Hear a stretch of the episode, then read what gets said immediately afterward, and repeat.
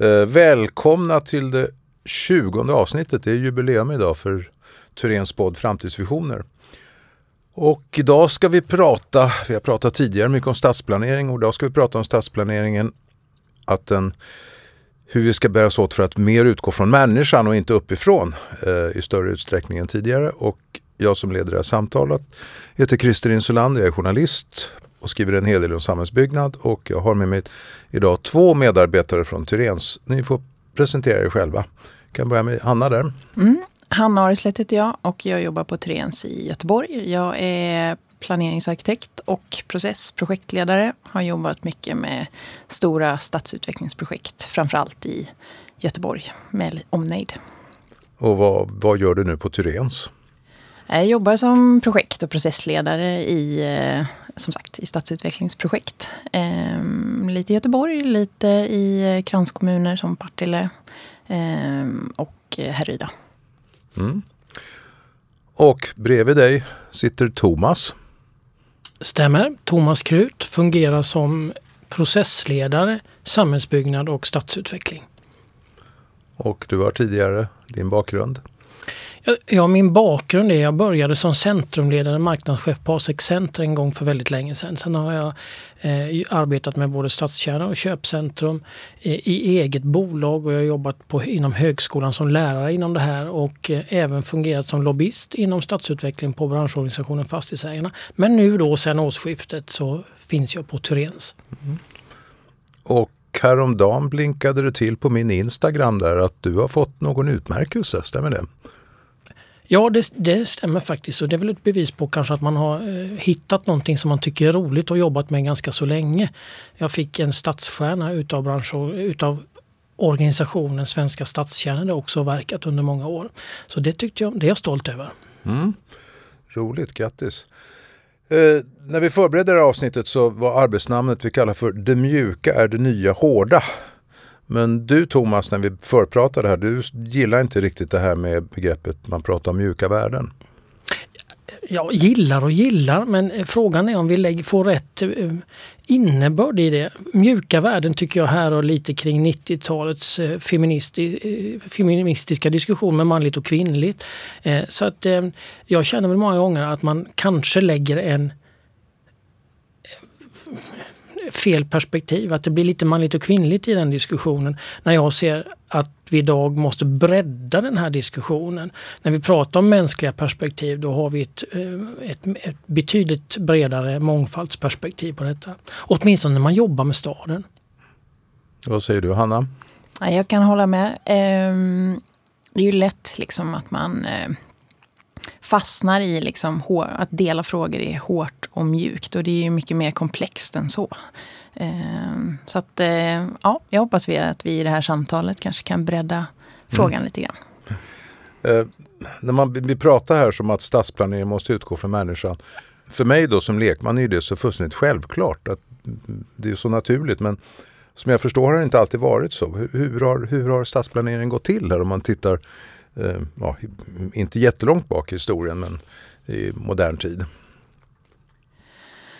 Eh, ja, det är svårt att säga. Det har ju såklart sett väldigt olika ut. Men eh, om vi liksom bara hoppar fram till eh, varför vi eh, som sitter här idag tycker att det är viktigt att involvera tidigt och kontinuerligt under processen. Dels så finns det ju en större förväntan idag att fler ska vara med i processen. Vi har liksom fler kompetenser som ska vara med och jobba eh, och så. Så att, eh, jag skulle säga att därför är det viktigare liksom att involvera fler i processen än vad man kanske har gjort tidigare i planeringen när man hade den store arkitekten eller den store mannen oftast då som la planen. Här ska staden ligga, sa man när Göteborg anlades. Och där är vi inte riktigt idag, utan fler behöver vara med i processen. Vi, prat, vi har pratat mycket här om att, att vi ska ha en tidig dialog, men varför är det så viktigt att bjuda in folk tidigt? Men det är också för att eh, förstå. Eh, om man bjuder in tidigt och man är med i eh, framtagandet av en vision eller en plan, då förstår man ju också varför man ska genomföra den på en visst, ett visst sätt. Eh, brukar säga det ibland, att man kan ju ta fram hur fina till exempel gestaltningsprogram som helst. Men förstår man inte varför man ska göra det eller så, så är det ju väldigt svårt att genomföra det. Och det är ju en anledning till att bjuda in tidigt för att skapa en förståelse och ett medägandeskap för det som man tar fram. Och de här fler, vilka är de? Vilka yrkesgrupper är det som vi vill ha in som vi inte haft inne tidigare? Om vi ska konkretisera lite. Ja, det går ju såklart att räkna många, men eh, bara som exempel, alltså, eh, dagvatten är en fråga som inte var en stor fråga för många år sedan, som behöver vara med. Eh, och jag skulle säga det som jag sa innan här om att fler behöver vara med i samtalet. Det finns en förväntan att eh, som medborgare till exempel vara med i samtalet. Då behöver vi fler kompetenser som kan eh, facilitera det, det samtalet så att säga. Så det är kompetenser som behövs. Eh, stats, vi behöver kommunicera mycket mer kring stadsplanering. Vi, behöver ha, vi pratade om det i samtal på väg hit idag, eh, just kring kommunikation och journalistens roll i, i eh, arbetet med att utveckla staden. Så jag skulle säga att det finns massa kompetenser som mm. behöver vara med under, i alla fall i de här större, stora utvecklingarna. Eh, ja. Nej, jag håller med Hanna här eh, när du säger att eh, förr kanske det var lite äldre företrädesvis män som styrde utvecklingen av staden. Eh, och det är väl lite i, inom ramen för det här när vi pratar om att vi ska bredda kompetenserna som utvecklar staden. Jag svårt att förklara men jag tänker väl mer att det gamla perspektivet byggde mer på att utvecklingen skedde ur enskilda, utifrån enskilda tjänsterum, utifrån enskilda agender, utifrån enskilda kompetenser. Det kanske var arkitektens kompetens eller det kanske var politikens kompetens. Idag vet vi att när vi utgår från ett särintresse i utvecklingen så når vi ingen utveckling. Vi måste ha in ett allmänintresse för att klara utvecklingen och det är väl kopplat också till de här att vi måste ha med många olika människor. Mm. När jag började med centrumutveckling för, för 20-25 år sedan då var ju perspektivet ganska så snävt. Det kanske var fastighetsägaren, möjligtvis handlare, någon kommuntjänsteman. Idag har vi en total bredd på det på olika organisationer. Det kan vara säkerhetssamordnare, det kan vara poliser, eh, det, arkitekter. Alltså det, det, det, är en helt annan bild utav det hela. Och det är klart att det gör ju sakerna både mer komplicerat men också vansinnigt mycket roligare att jobba med. Mm. Och jag kan bara fylla i där. För, och sen jobbar vi ju Eh, många projekt som vi jobbar med bygger ju på att jobba i redan ganska täta miljöer där man behöver lösa väldigt många frågor på samma yta. Och lite som du sa här nu att liksom, var och en kan inte göra sitt längre utan man behöver hitta gemensamma lösningar. Och där tror jag också att vi kommer in liksom som processledare att facilitera just den samverkan mellan olika kompetenser. Det blir bara viktigare och viktigare tror jag. Ja, för i det gamla perspektivet behövdes ju inte processledaren. För där la man ju fram färdiga lösningar utifrån det här enskilda tjänsterummet och så körde man mm, det. Mm. Eh, nu jobbar vi ju hårt med att eh, processa bitarna men det innebär ju också att vi måste hjälpa till ett steg längre än den traditionella utredandet eller planritning eller vad det är för någonting. Nu måste vi se till också för kundens del och för samhällets del att vi är med och även genomför det och där kommer ju processledningen in. Var, varför, var, alltså jag återkommer till det här, liksom vad, vad är hönan, vad är ägget, men varför har man inte gjort det här? För mig är det som kommer utifrån är det så naturligt att det måste gå till på det här sättet. Eh, vad är det som gör att man inte har gjort det tidigare och att vi just precis här och nu till sist har börjat komma till den här insikten? Mm. Alltså, jag tror att insikten har funnits ganska så länge. Jag vet att debattören, arkitekten och eh, ofta förebilden i många av de här sammanhangen, Jane Jacobs, skrev om det här redan i början på 60-talet och det är över 50 år sedan och fortfarande inte poletten trillat ner. Men det finns en ganska så stor tröghet. Jag tror att, att vi måste också kanske, det här måste skötas över generationsväxlingar för de som har skött utvecklingen på ett håll måste kanske fasas ut innan nästa generation kommer. Och nu är vi framme vid att, att eh, ja, generationsskiftena har gjort sitt och nu är vi framme på en bredare samverkan. Så det är våra föräldrar som var fega, är det så?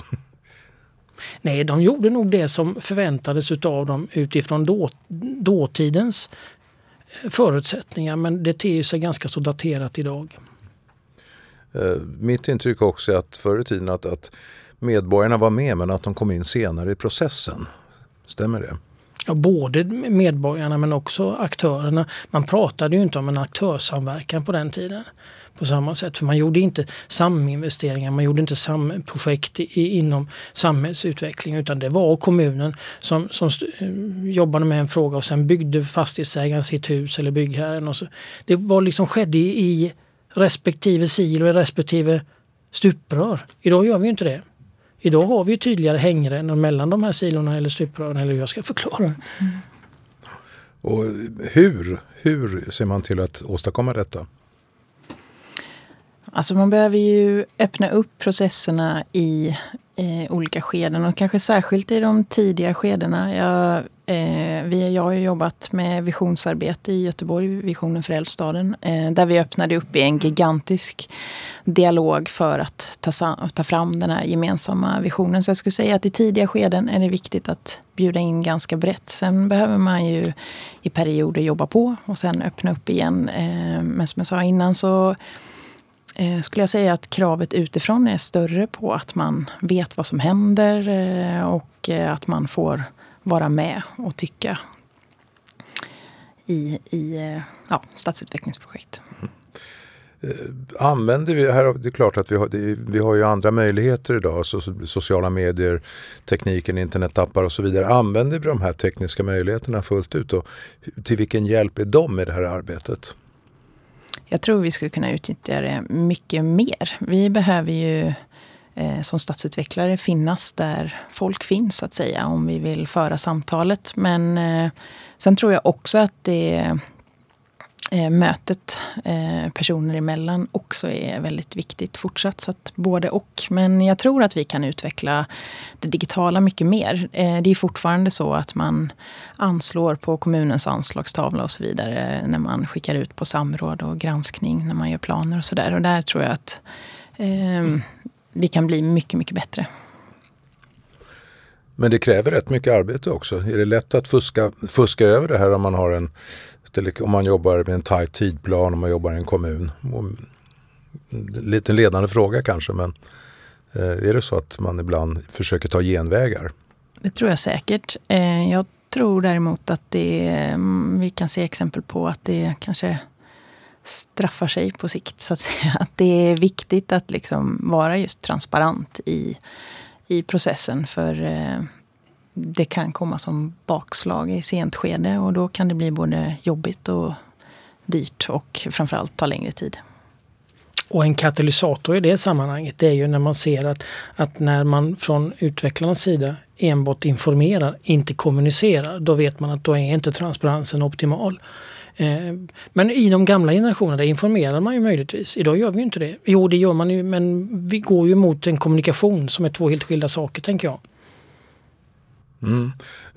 Och ni, när jag pratade med er också hade ni några exempel. Hanna, du var projektledare för visionsarbetet med Älvstaden och Frihamnen i Göteborg.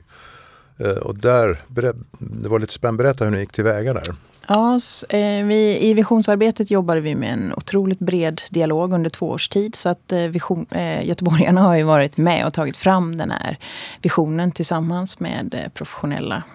Vi hade ju också en internationell workshop ehm, bland annat. Där vi plockade in kompetens från hela världen för att liksom, tillsammans utveckla visionen för Göteborg. Sen så eh, fick vi ju fram några strategier som vi sen jobbade vidare med i Frihamnen som var en av del, ett av delområdena inom visionsarbetet. Och där eh, tog vi dialogen, skulle jag säga, ett steg till. Eh, och egentligen svarade på den första dialogen i visionen genom att eh, jobba med prototyper, en slags eh, dialog i skala 1 till 1. I visionsarbetet så sa göteborgarna att vi vill kunna bada mitt i stan. Eh, och i Frihamnen så har vi nu jobbat med en eh, allmötesplats där det bland annat finns bad, där vi har byggt ett litet prototypbad. Eh, och eh, som har varit otroligt uppskattat och fidat tillbaks till planen då kan man säga att det är behöver vi ha med oss när vi gör det permanenta sen.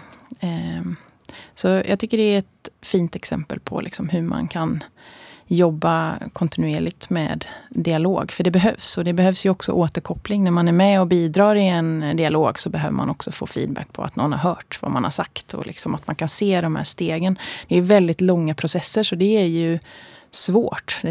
Stadsutveckling tar ju väldigt lång tid. Men i, det här kan vara ett sätt att liksom få ganska snabb återkoppling på att man, vi har hört.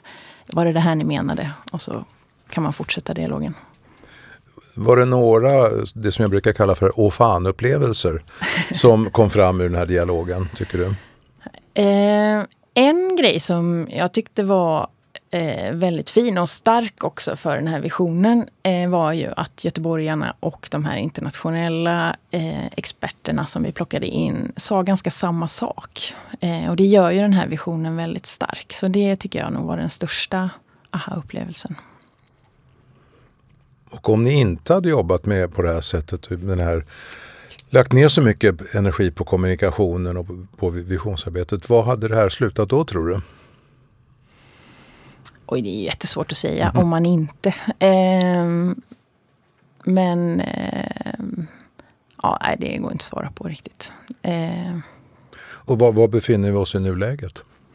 Nu har ju de första etapperna av visionen börjat ta form. Eh, det är ju flera delområden och det är ju ett projekt som kommer att pågå under väldigt, väldigt lång tid. Eh, men man börjar ju se eh, lite resultat. Mm. Och dialogen fortsätter? Dialogen fortsätter i de enskilda projekten och även övergripande för hela visionsarbetet så att säga, tar ett nästa kliv. Thomas, du arbetar med någonting som heter Drömmen om Borås. Mm.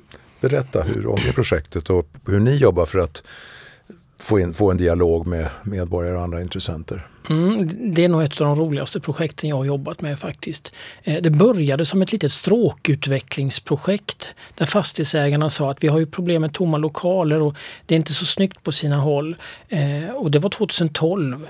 Eh, men tack vare att miljön i Borås, då, eller samverkansmiljön, var prestigelös och det byggde på tillit mellan parterna så skenade det där projektet lite. Eh, och det var mycket med kommunikationen mellan aktörerna. Det var lätt att få, få, få fart på arbetet. Eh, och det blev ett, ett visionsprojekt. Eh, som, och in i processen så formades namnet Drömmen om Borås. Det var, och det var först när vi gick liksom ut och frågade eller vad tyckte vi? Och då frågade, inte, frågade vi inte vad tycker ni ska, vi ska förbättra i Borås utan vi frågade helt enkelt, vad är dina drömmar? Vad tänker du om Borås om ett antal år? Och det var då de här sakerna kom fram som blev drömmen om Borås-projektet som då ledde till att olika projekt kom till stånd som inte hade skett sannolikt om vi inte hade ställt frågan på det öppna sättet. Och det projektet lever ju fortfarande med väldigt tydliga resultat. Eh, vi är väl inne i tredje fasen nu utav det utvecklingsprojektet och det kommer fortgå ett bra tag till tror jag. Vad blev resultatet då, som, så, så långt vi nu har kommit? Eh, ja, det viktigaste resultatet är väl kanske också att, man, att, man, att det finns en vision. Visionen blev väldigt tydlig. Visionen ligger fortfarande under den eh, hemsidan drommenomboras.se där man tydligt som etablerare, som kommuninvånare kan se vad, vad, vad tänker vi oss eh, visionen om stadskärnan. Eh, där man vet att alla parter har varit inblandade i hela. Det är väl den ena biten men sen kom det ju tydliga resultat åt. Det blev enskilda gatuprojekt, enskilda etableringar, eh, en torgomvandling med Hötorget som hade aldrig blivit av. Så det finns många exempel som händer som inte var synliga innan vi började och det är väl mest roliga då att sätter man fart och börjar jobba utifrån hur ska vi jobba? Då kommer sakerna att jobba med sen. Det är liksom enklare att vända på perspektivet där. För ur det, då, vad ska jag säga, då, då, då frodas ju idéerna, eller idéerna kommer upp som då kan klibba fast och verkställas så småningom. Eh, du nämnde här att det fungerar för att det var en prestigelöshet. Om vi vänder på det, vad, vad, finns det för några, för några hinder, för några motstånd som man måste överbygga för att kunna arbeta på det här sättet? Ni som har jobbat med båda två. Alltså jag skulle säga att det kräver ett rätt så stort mod också eh, hos oss som planerare och projektledare att öppna upp processerna. För det kan ju dyka upp saker där som man eh, ja, åt en riktning man kanske inte hade tänkt. Eh, alltså, så man måste ju vara ganska prestigelös eh, för att göra dialogen på riktigt så att säga. Eh, och sen kräver det ju samtidigt när man öppnar upp dialog för dialog, framförallt medborgardialog, att eh, man är ganska klar för sig själv och för andra också vilka spelregler som, som gäller för dialogen så att man inte bara får en lång önskelista så att säga utan att det eh, ja, man är tydlig liksom, i vilket skede är man eh, och vad, vad, vad, finns i potten så att säga. Och, och vad är nästa steg och sådär. Det är oerhört viktigt att klargöra när man går in i en dialog så man inte lovar saker som man sen inte kan hålla. För det, då kan man få ett bakslag som mm. inte blir så bra. Och då är det nog viktigt att man, att man är tydlig med att man släpper in aktörerna redan i visionsskedet. Eh, redan när man börjar forma själva färdriktningen eh, för det man ska företa sig. Vanligtvis så släpper man in andra aktörer, kommunikation med medborgare, eh, andra aktörer i staden så att säga, eh, i genomförandeskedet. När allting ligger planerat och då ställs ju alla aktörerna inför fullbordat faktum och då gnisslar det ordentligt. Det här, eh, och det kanske har att göra med det du sa tidigare, att det är en att det är en generationsfråga, att det här med att det mod, prestigelöshet, tydlighet, de bitarna. Eh, är det så att det kanske, att det, lägger jag kanske orden i munnen på, men är det så att det krävs en ny generation som har liksom det tänket för att vi ska kunna eh, jobba visionärt på det här sättet fullt ut? Nej, alltså jag skulle säga att det nog finns i alla. Jag har jobbat med fantastiska medarbetare som eh, har haft, varit en annan generation än jag så att säga. Mm. Med samma inställning. Men det kanske ja, får mer plats nu skulle jag säga. Eller sådär. Och som jag sa innan, kanske större krav på att man jobbar på det sättet också. Utifrån sett.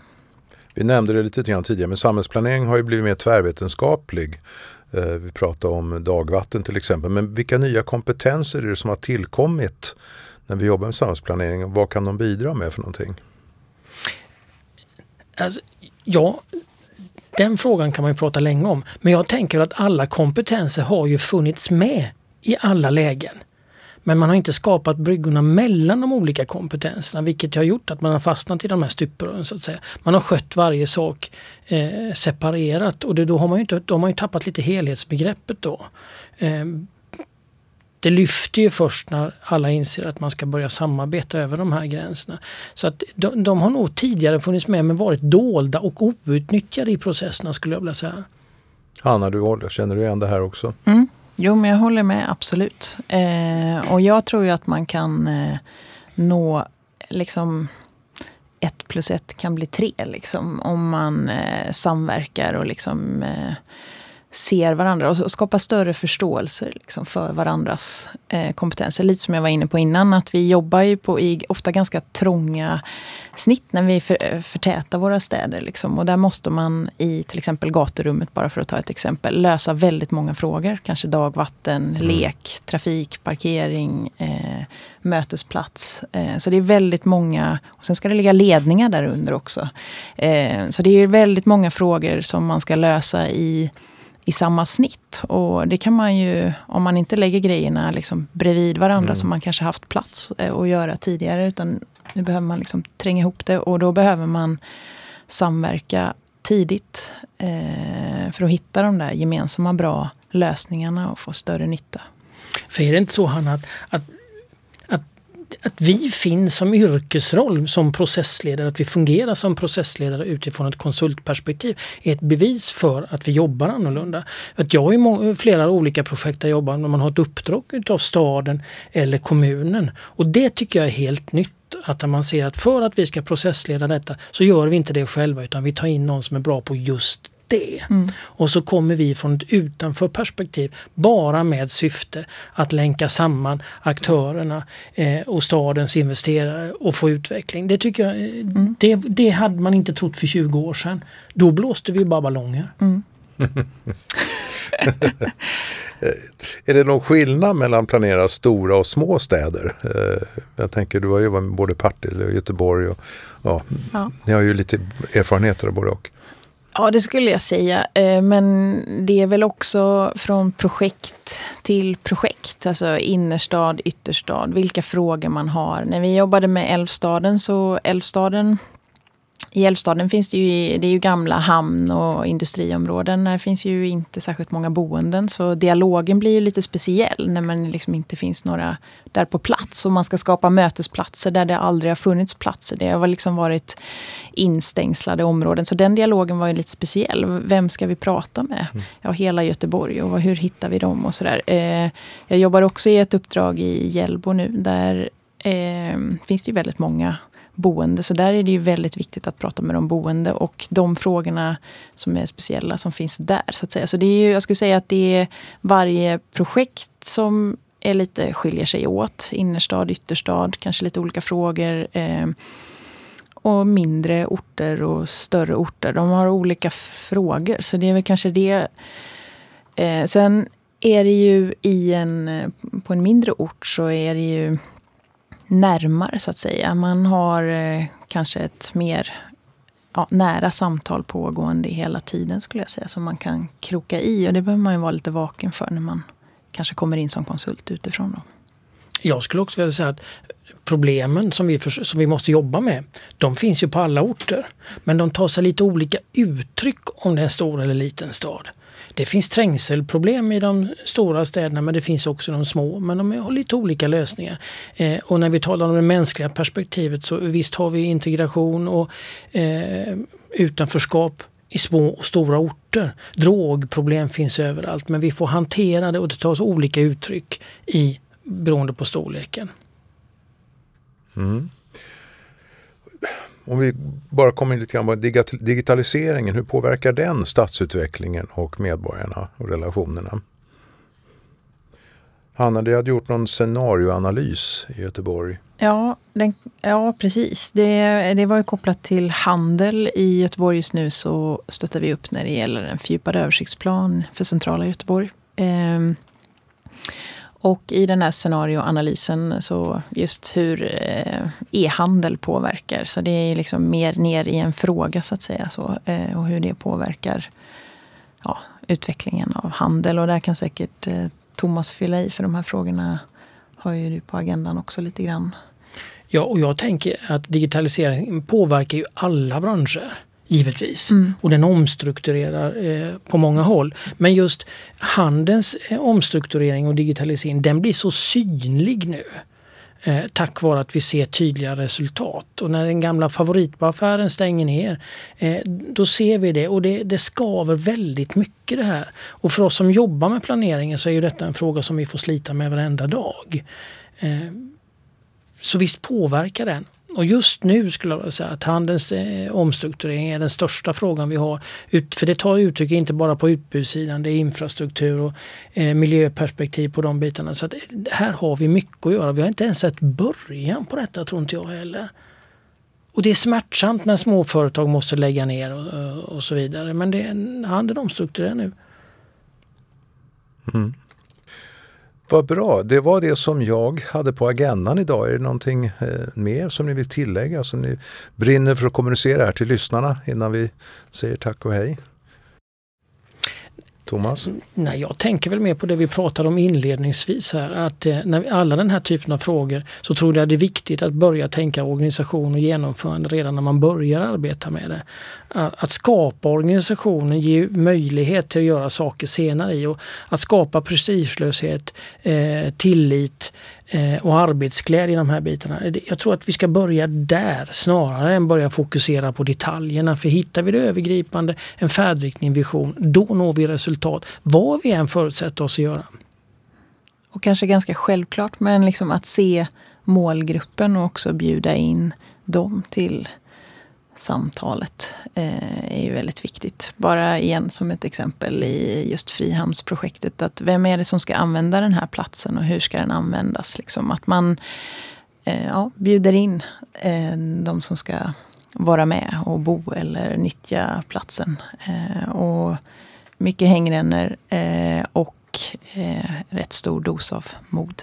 Och det vi tycker är självklart det är inte alltid att det är självklart om man sitter i ett kommunhus eller hos någon fastighetsägare eller hos någon handlare någonstans. Då, kan det, då får man eh, sälja in utvecklingen ganska bra. Många gånger, fortfarande.